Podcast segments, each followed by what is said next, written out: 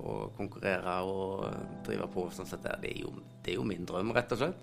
Å kunne gjøre det når jeg eh, bikker 48, det syns jeg er helt suverent. I 94 da starta de opp et landslag her i Norge i baseball, og det var jeg så heldig fikk være med på. Så jeg var på laget der fram til 2001, når jeg krasja på motorsykkelen. Og så fikk jeg meg et par års opphold med, med rehabilitering før jeg begynte med langrenn. Du slapp jo tenke så mye i, i, forhold til tidligere, når jeg spilte, var på lagsport f.eks. Så da blir du jo dratt med av laget på, i forhold til økter og alt dette greiene her. Så du blir mye mer selvstendig når du driver på med langrenn. Så det er, jo, det er, jo, egentlig hovedforskjellen, at jeg har drevet på med to forskjellige idretter. Så, men uh, om mangler en fot eller ikke, det, det, er ikke så stor forskjell egentlig. Det er bare måten en utfører idretten på. En, en tirsdag Kjempefint vær. Ja, Jeg skulle på jobb på ettermiddag, og så skulle jeg en liten kjøretur bare for oss å uh, kose meg litt og få utnytta dagen på en god måte før jeg skulle på jobb.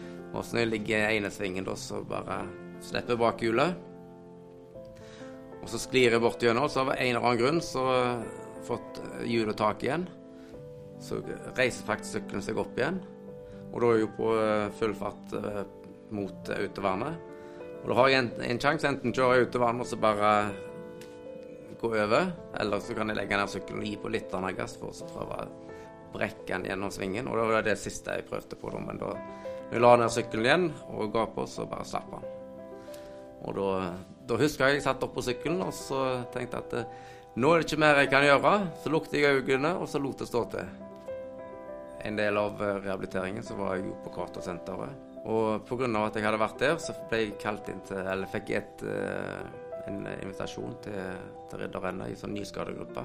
Så reiste jeg opp der, og så fikk jeg uh, Da hadde jo med meg den gåprotesen min, men jeg kunne jo knapt stå på beina, for jeg ødela jo begge beina, som sagt. Så da jeg klarte jeg ikke å stå og gå på ski, og, men da fikk jeg låne en kjelke der oppe, og så begynte jeg å stake rundt. Så var det jeg som Anne Ragnhild Kroken, som jobba i Skiforbundet, så så vi hva var rundt der.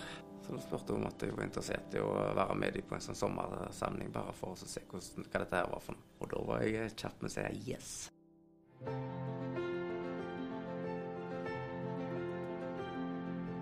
Den seieren som henger høyest, det er den i, i Kantimansjinsk. For, for, det var russerne som har uh, alltid vært mine hardeste konkurrenter. Og det var ikke få ganger at det var, var kun russere i sprintfinalene med meg. Så, så, så jeg har kniver masse med, og så da får ta de på deres hjemmebane. Det smakte godt, altså.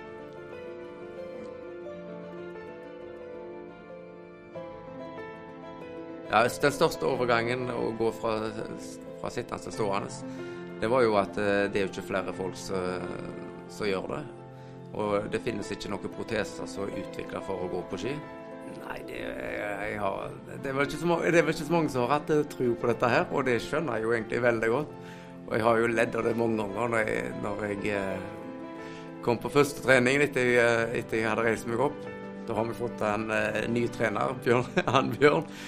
Han møter en utøver som omtrent ikke kan uh, snakke, Det var Bambi, altså. Jeg hadde en fot som ikke gikk an å finne balansen på. Hadde jeg hadde null styring. Og der, der kommer det en kar som skal overta et uh, paralandslag. Så at folk ikke hadde tro på meg, eh, det, det, det, skjønner jeg veldig godt. Og heldigvis var jeg i Trysil, og der hadde jeg en snowboardprotese. Så da bygde jeg om snowboardprotesen til, til skiprotese. Og det har faktisk eh, fungert overraskende bra.